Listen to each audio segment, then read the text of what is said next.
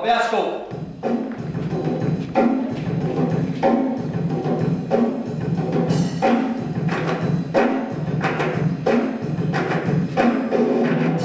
Pier Paolo Pasolini er italiensk filminstruktør og forfatter og filosof og blev født i Norditalien i 1922 og blev myrdet i 1975 lidt uden for Rom.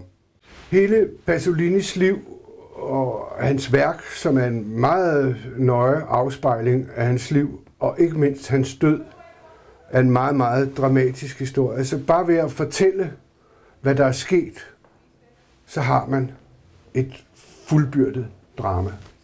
I falder ikke på det her, Anna!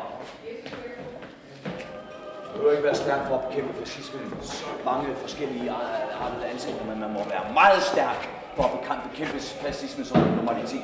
Folk havde fundet ud af, at han både var homoseksuel og marxist, og hele hans øh, værk, hans livsværk og hans liv, er en lang kamp, ene mand mod resten af samfundet. Min søn. Du, du, skal, du skal koncentrere dig om Jesu fødder. Du skal ikke, du skal ikke tænke på din hoved. Jeg har arbejdet i ni måneder med manuskriptet, og en del af tiden har jeg opholdt mig i Rom, hvilket jeg har været meget glad for, fordi jeg er overbevist om, at det gav mig alligevel, det tilførte stykke nogle ting, jeg ikke ville have fået, hvis jeg havde opholdt mig alle mulige andre steder.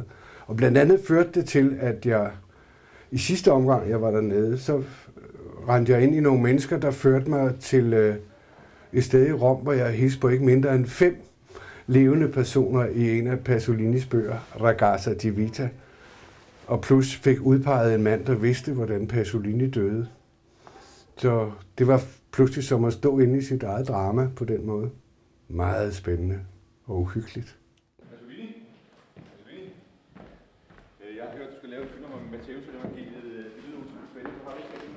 Stykket er fortalt på den måde, at øh, man kun fortæller det væsentlige. Og hvis man gør det, så er man i stand til at fortælle om et menneskes liv inden for et par timer.